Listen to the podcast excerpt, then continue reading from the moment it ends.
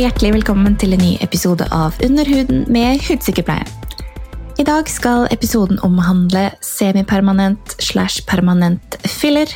Vi skal få høre en eh, trist pasienthistorie fortalt av Marte Vinje. Vi kom i kontakt på Instagram, og hun viste meg noen bilder, fortalte sin historie, og jeg spurte henne pent kan du være så snill å gjenfortelle dette i min podkast. For dette her er viktig å få frem. Vi kommer ikke til å nevne navn på verken produsent av filleren, hvor hun har vært og gjort det, eller lege som har utført behandlingen. Men hun har sagt seg villig til å svare på spørsmål, så om du har det, kontakt Marte med TH Vinje med W i ett ord på Instagram dersom du sitter igjen med spørsmål eller har noe på hjertet i etterkant. Vi skal også få høre det faglige perspektivet bak dette av fantastisk dyktige hudlege Mireille, Eh, som jobber med dette med, med altså kosmetisk medisin på daglig basis, har masse, masse erfaring. Så hun skal få fortelle litt om studier som er gjort på semipermanente fillere, og kanskje hvorfor det ikke er det beste valget å gjøre. Marte har også sagt i etterkant at eh, det var ti år siden hun gjorde denne fillebehandlingen, og ikke fem, sånn som hun nevner i podkasten, så da vet dere det. Dersom dette høres interessant ut, så hør gjerne videre. Stay tuned.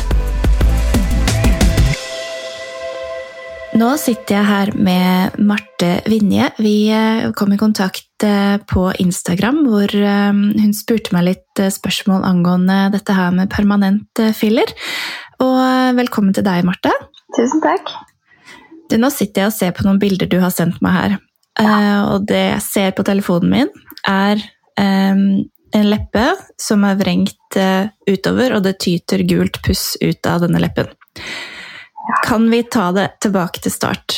Fortell litt om um, denne prosessen, for du har jo gjort en, en permanent filler uh, i leppen, rett og slett, som uh, vi ikke sier navnet på, men den, det er en slags polyakrylamidfiller som klassifiseres som permanent filler. Fortell litt uh, hvordan startet dette her? Ja, Nei, eh, jeg har alltid vært opptatt av hvordan jeg ser ut. Og helt fra jeg var liten, så kan jeg huske at jeg ønsket meg fyldigere lepper. Så mm. med en gang jeg fylte 18, så dro jeg for å fylle på leppene med hyaluronsyrefiller. Ja. Eh, og jeg ble veldig fornøyd, eh, men volumet forsvant så fort på meg. Så det ble til at jeg stadig vekk dro og fylte på mer og mer, som da kostet en del etter hvert. Ja, ikke sant. Uh, ja. Uh, derfor begynte jeg å søke litt rundt for å se om det fantes uh, noe som ville vare permanent. så da forhørte jeg meg med de forskjellige glamourmodellene på den tiden, som hadde disse fine og fyldige leppene som jeg ønsket meg. Ja. og da fikk jeg vite om en kirurg som kunne sette permanent filler, og som kun skulle ha et par tusen kroner mer enn det den vanlige filleren kostet. da. Mm -hmm. Så da tenkte jeg at dette var jo helt perfekt for meg, og at jeg kom til å spare masse penger. Um, så da fikk jeg en time. Uh, han, kirurgen han virket veldig seriøs, forklarte masse underveis og hvordan han kunne fjerne det om han ikke ble fornøyd. Det eneste, var dette i Oslo? Dette var i Oslo. Mm, ja. Stemmer. Det eneste jeg reagerte på, var at han var litt i overkant opptatt av å sterilisere leppene mine først. Ja, noe som egentlig burde være en god ting, men uh... Absolutt. Men uh, ja, han, uh, han, brukte en hel bomullpadspakke og dynket med møbelrens for at det skulle bli rent nok. Ja, for det reagerte jeg litt på. Ja. Liksom, møbel, møbelrens, den har jeg ikke hørt om før. Men, Nei, han mente at det var enda bedre, da. Ja, ok. Enn ja. det man bruker på sykehus når man steriliserer for operasjon. Ikke sant. Veldig spesielt. Okay. Ja. Jeg Han var veldig opptatt av det. Uh, men jeg ble veldig fornøyd med resultatet. Um, ja. Og så, ja Hadde jeg disse leppene en god stund og var fornøyd. Uh, Hvor lenge da? Da gikk det vel ja, ca. fem år. Da jeg gikk gravid med førstemann. Mm -hmm. Så begynte overleppene å hovne opp veldig mye på den ene siden. Um, det var veldig ømt, og det utviklet seg til en stor kul som kom mer og mer mot overflaten. Og til slutt så sprakk den opp, og det rant ut masse tykk, gul masse. Fytti katta. Ja, og da klemte jeg ut for å få ut alt, da, fordi det stoppet liksom ikke. Nei, Eh, så når det var tomt, så bare fylte det seg opp igjen? Ja. Typ? Det ja. stoppet ikke, virket det som. Det kom ut så mye. Var det smertefullt? Eh, veldig. Veldig smertefullt. Mm. Eh, og da ble jo leppene skjeve, siden det kun var på den ene siden. Fordi det var ikke sånn kjempeflytende, det var litt sånn tjukkere puss. Var det da også litt filler, eller den permanente filleren du fikk ut, tenkte du? Ja, det er det jeg tenkte, da. At eh, det var eh, filleren som kom ut. Mm. Eh, men det var gult, så litt usikker. Aldri helt funnet svaret på det. Nei, men leppene ble i hvert fall mindre i etterkant, Ja. eller den, den siden. Mm. Betydelig mindre. mindre. Eh, og der det ikke var hovent, eh, der gjør det jo veldig vondt. Bare jeg kommer borti litt for hardt, så kjennes det som skjæringsstøt, på en måte. Uff. Ja, det gjør det fortsatt. Ja. Ja. Kjære vene. Eh, og så, eh, noen dager etter åpningen hadde lukket seg, eh, så var jeg så heldig å bli invitert til et sånn fillerkurs som ble holdt for en gruppe med leger, som en kollega av meg skulle delta i. Mm. Eh, og der kjente de på leppene mine og diskuterte seg imellom, disse legene. da. Ja. Men ingen av dem hadde hørt om den permanente filleren før. Og så de hadde ikke så mange råd å gi, egentlig. Hvor lenge siden er dette nå? Det er vel eh, Skal vi se Ja, kanskje syv år siden. Ja. Mm, jeg er litt usikker på tid. Jeg har ikke regnet helt på det. Um, og så, ja, da begynte jeg å google litt da, og fant fort en eh, artikkel uh, om en som hadde gjort akkurat samme behandling samme sted, som hadde fått ødelagt leppene sine. Ah, okay. uh, og da begynte jeg å skjønne at her er det noe gærent. Uh, og så fant jeg en Facebook-gruppe Mm. uh, med mange andre ofre, som de kalte det, for denne type behandling. Som alle hadde fått problemer med både lepper, kinn, nasolabiale folder etter flere år med produkter under huden. Da. Ja, så fellesnevneren var på en måte at det kom i etterkant? Ja. Ja. Mm. Flere år Eh, etter. Mm. ja. Alle var jo veldig fortvilet. Noen hadde fått operert vekk deler av leppene sine. Og andre hadde vært tilbake hos kirurgen som la filleren for å fjerne det. Mm. Eh, han skulle da suge det ut, eh, men det viste seg at det ikke var mulig. Selv ikke ved å bruke hyalase, siden filleren visstnok gror seg fast i vevet og blir til en fast masse. Ja. Eh, ja. Eh, det endte med at jeg og flere andre på den gruppen da, sendte inn klager til, eh, på kirurgen, da, til fylkeslegen. Men vi kom, kom liksom ikke så langt, siden han, eh, han svarte godt for seg, og han mente at eh, vi pasientene hadde berørt stikkhullet like etter behandling, eh, som da gjorde at vi fikk infeksjon flere år etter. da. ja. Så han kan jo fortsette med den behandlingen videre, egentlig. Det er jo um, litt spesielt. Um, Mm. Selvfølgelig. Man har jo det som, som kalles for granulomdannelse, hvor det i etterkant kan utvikle seg en bakteriehinne som kan skape problemer. Men det kan jo like gjerne skje under um, injeksjonen, selv om man selv om man eh, desinfiserer, er kjempenøye med det hvis ikke utstyret er helt eh, rent, eller til og med fillerproduktet kan være kontaminert, så kan man få problemer. Og Mm. Eh, jeg har jo sett, uh, søkt litt, og det er en artikkel fra 2010, som da er lenge før han har begynt å injisere dette her, Ja. hvor da polyakrylamidfiller uh, har vist bivirkninger. Det er en studie med 98 pasienter hos 98 pasienter har fått bivirkninger. Da. Uh, og vanligste av de er inflammasjon, infeksjon og absesser blant annet. Så det er jo også litt rart da, at utøvere kanskje ikke tar seg tid til å lese hvilken forskning som, som faktisk finnes, og denne, akkurat denne type eh, filleren. Og hvis noen lurer på hva dette er, så er det jo bare å sende meg en eh, DM, så skal jeg svare på det. Men jeg, Jeg går ikke ut med det i podkasten, vil Nei. ikke bli saksøkt her. men, men dette er et fillermerke som ikke er FDA approved i USA. Eh, og det er jo på en måte noe av det strengeste eh, godkjennelsen man kan få på et produkt. Er FDA approval, fordi det tar så lang tid, og de er så nøye. Men det er da, det er da ikke eh, approved av Food and Drug Administration i USA. Det er approved i Europa, um, men eh, litt usikker på om det faktisk er helt innafor her i Norge, da. Mm. Mm, eh, med tanke på de tilbakemeldingene jeg har fått av kollegaer i bransjen. Men hvordan, hvordan, eh, hvordan opplevde du på en måte det å ta kontakt med denne kirurgen igjen og, eh, og få et svar? Fikk du på en måte Ble det vist forståelse, eller ble du på en måte avvist i døra? Hvordan føltes det? Nei, det føltes egentlig ut som at han eh, avviste det med en gang. Fordi han, han mente at det var min feil, da. Ja. Så det var liksom ikke Det hadde ikke noe med han å gjøre. Nei. Og det opplevde flere av de andre også, da. Ja, Og det var sant? som at uh, han aldri hadde hørt om noen uh, sin klage før, da. Uh, hvis jeg sendte Eller når jeg klagde, da, så Mm. var det som at han aldri hadde hørt om det før. Og det samme opplevde de andre.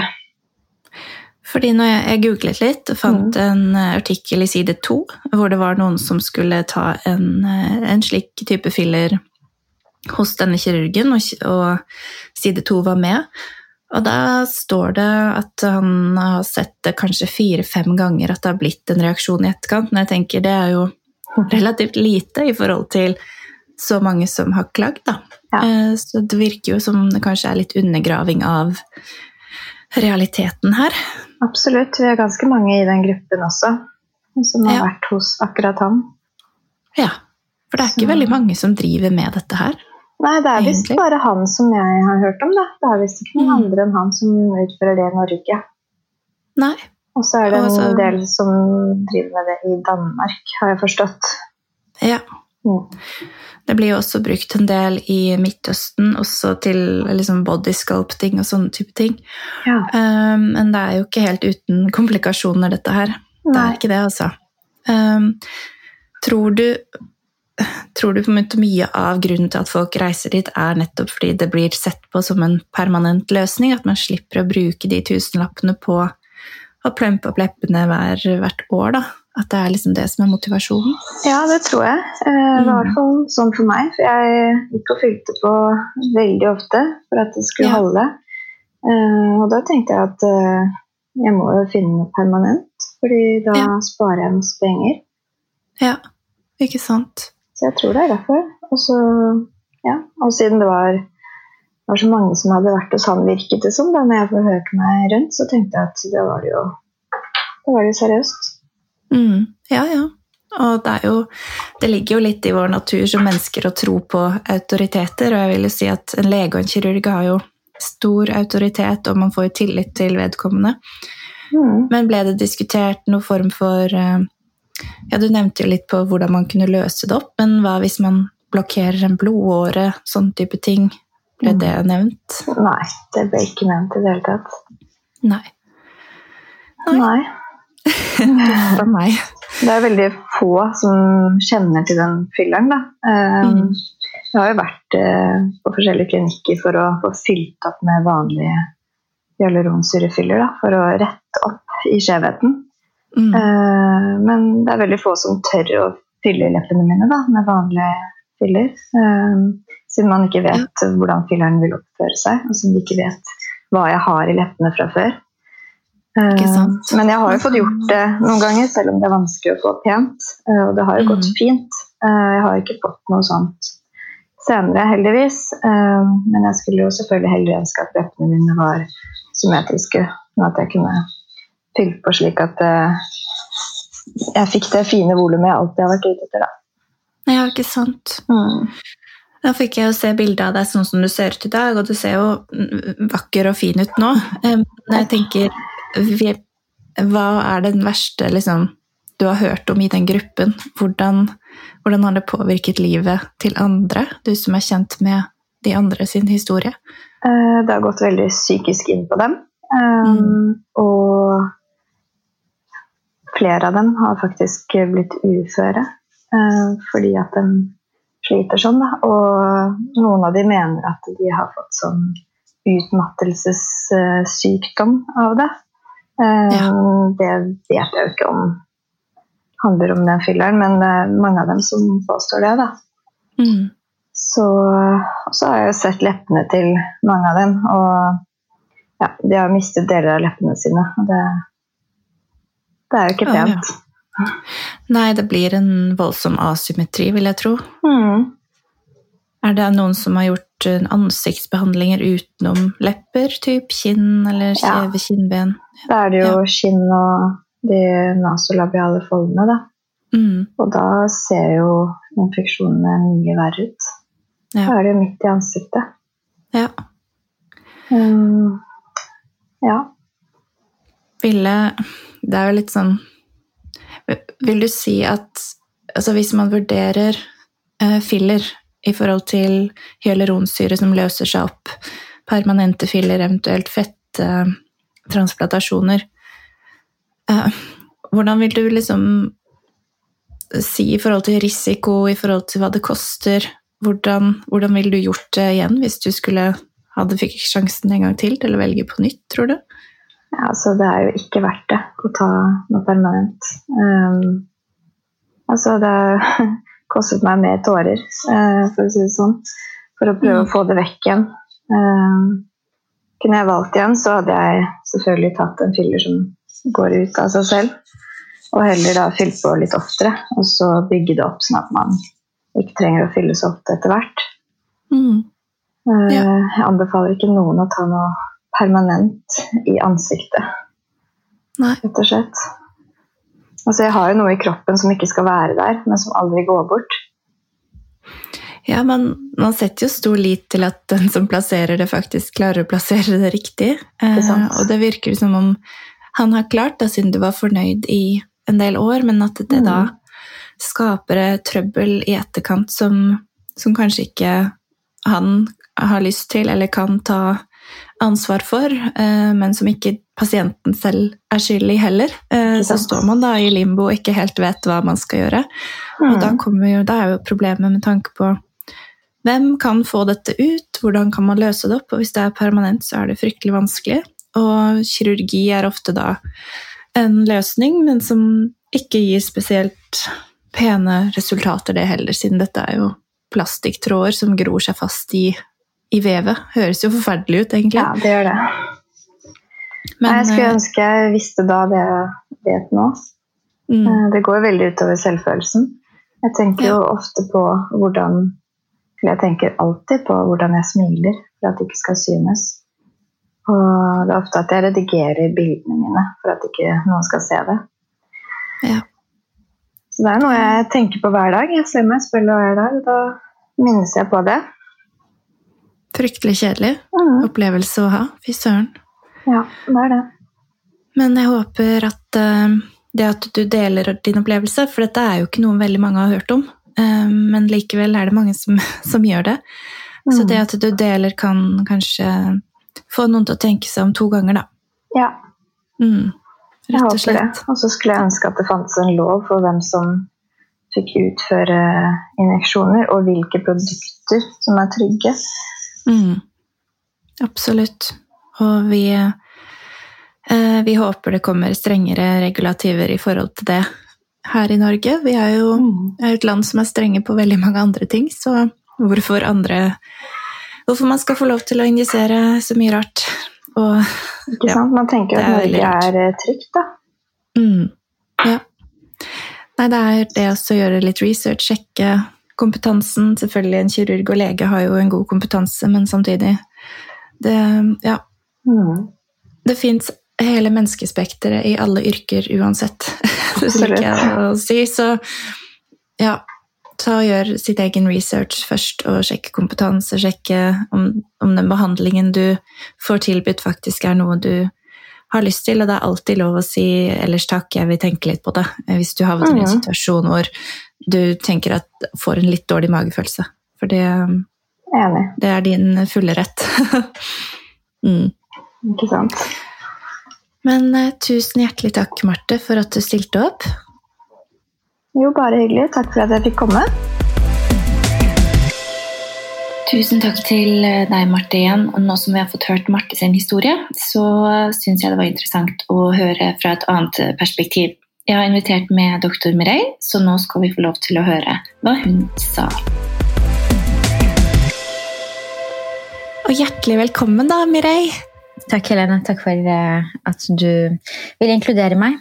Jo, det vil jeg alltid, holdt jeg på å si. Det er en fagperson jeg virkelig stoler 100% på.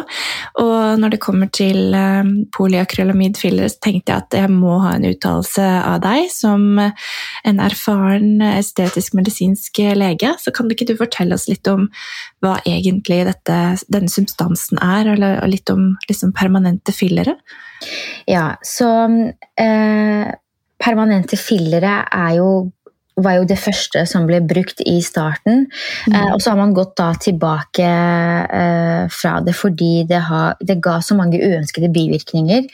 Og det, de lot seg vanskelig korrigere.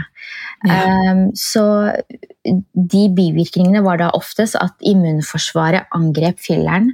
Den permanente filleren, eh, som egentlig fungerer mest som et kirurgisk implantat. Ja. Eh, ikke filler i seg selv slik vi kjenner det i dag. Det har ikke noe med konsistensen å gjøre, men hvordan det oppfører seg. fordi det blir jo ikke borte. Eh, og ja, så selv om de samme bivirkningene kan oppstå med de oppløsbare fillerne vi bruker i dag, som hyaluronsyrefillere mm. For det argumentet kan jo brukes mot oss også, at uh, vi som bruker oppløsbare fillere, vi får også, også reaksjoner som uh, fremmedlegemereaksjon, at kroppen angriper filleren og infeksjon osv. Ja. Det stemmer. Men det kan la seg eh, behandle i de fleste tilfeller også uten at man trenger å ty til kirurgi og arrdannelser. Men det er ikke alltid tilfellet med permanente fillere. Og den filleren, eh, polyakrylamid, mm. eh, den var Jeg leste meg litt opp om den også, for den er jo ikke, det er ikke sånn at det er eh, ofte brukt filler her i Norge, heldigvis. Nei, nei det er jo ikke ja. det. Eh, og den eh, ble jo først eh, Eh, brukt i de østeuropeiske landene. Og så mm. ble den godkjent til bruk i resten av Europa i 2001. Eh, så vidt jeg vet, så er den fremdeles ikke FDA-godkjent. Selv om de, har, eh, de, som produserer filleren, har jo presentert sånne såkalte tiårs safety-data, så har FDA vært litt skeptiske. Med rette, syns jeg, fordi vi kjenner jo til historikken med permanente fillere. Og de som da produserer eh, den polyakrylamidsubstansen Jeg vil jo helst ikke kalle det filler, fordi vi forbinder jo filler med noe annet i dag. Helene. Ja, ikke sant? Vi jobber jo begge med det. Mm. Eh, når de som produserer den substansen, kaller jo ikke den for permanent, fordi det er jo forbundet med en del negativitet, så de bruker mer sånn semipermanent, ti års varighet osv. Ja. Men den er jo eh, Den er jo eh, ikke nedbrytbar. Den består jo av, så jeg, den består av eh, eh skal vi se, Den består av 2,5 eh, polyakrylamid. Mm. Og resten er vann, 97,5% Så selv om det høres ut som det er nesten bare vann, så er 2,5% polyakrylamid en god del. Eh, ja. Og det eh, får man ikke brutt ned i kroppen. Nei, for Og så er det ikke bare å liksom, poke et hull på det og klemme det ut heller. Det, det fester seg jo i hudvevet, på en måte? Ja, det kan integrere seg. Så det var gjort en studie. Eh, for den filleren var jo en god del brukt i Iran. Og som vi vet, så Iran og Brasil er jo uh, blant annet et av de landene på toppen når det gjelder sånne både surgical og non-surgical uh, prosedyrer.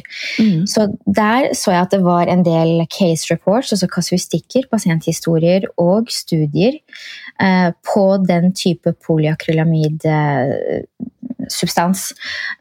og det viste at i noen tilfeller så kunne man presse det ut. Eh, I noen tilfeller kunne man operere det ut, men det kunne gi eh, ja, dysfigurerende arr i ansiktet. Og noen ganger så trodde man alt var operert vekk, og så fikk man reaksjonen på nytt. Um, og noen av de bivirkningene som var uh, beskrevet, var at uh, den kunne migrere, altså flytte, plass, flytte seg i ansiktet. Mm -hmm. For hvis du får den injisert i pannen, så går den til mellom øyenbrynene. Får du injisert den på kinnet, så går den ned eh, og danner hamsterposer langs kjeven. Eh, og det ser man oftere med permanente fillere, Helene, eh, og ikke så ofte med ikke-permanente fillere, som, som, er jo det som er mest brukt. Ja, og noen av bivirkningene var også at eh, pasientene fikk smerter når det var kaldt ute, der hvor filleren var injisert. Og så fikk de hevelser og eh, ja, at det ble hovent rett og slett når det var varmt. Og man kunne også få da at huden døde i det området, så de fikk da sår og infeksjoner og pigmenteringsforstyrrelser. Det var også rapportert uh, alvorlige allergiske reaksjoner. Um, det høres jo veldig veldig dårlig ut, holdt jeg på å si. Hvorfor er, det, hvorfor er det sånn at veldig mange opplever det etter det har gått årevis, spesielt da eh, sånn som eh, pasienten vi, jeg har snakket med tidligere, når hun var gravid? Fortell litt om eh, det. ja, altså, det, min erfaring med fillerreaksjon og graviditet, det er at eh, det er oftest da det kommer i form av hevelser og kuler. Eh, akkurat som med autoimmune sykdommer, så kan noen bli fredelige under graviditet, og noen kan bli forverret. Mm. Eh, det er jo en immunreaksjon, og det tror jeg kan forklare dette. Så det var en studie, jeg tror det var en dansk lege som publiserte den, som ba om eh, biopsier fra hele Europa hvor man hadde skåret ut permanente fillere. Da. Mm. Og eh, blant de fleste permanente fillere så tok den polyakramidfilleren seg best ut med tanke på langtidskomplikasjoner. Eh, kanskje fordi den besto av så mye vann at det da kunne beskytte litt, eh, tror man da. Men det, var ikke den største studien, så det kan bare ha vært tilfeldig funn.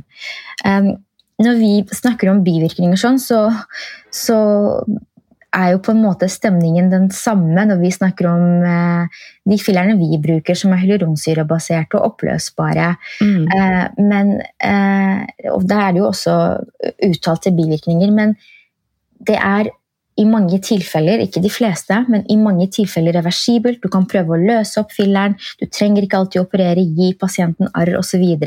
Mm. Og jeg personlig og som fagperson ser ikke grunnen til at man skal bruke en permanent filler eller en semipermanent filler, der hvor man kan bruke en, en filler som kan løses opp.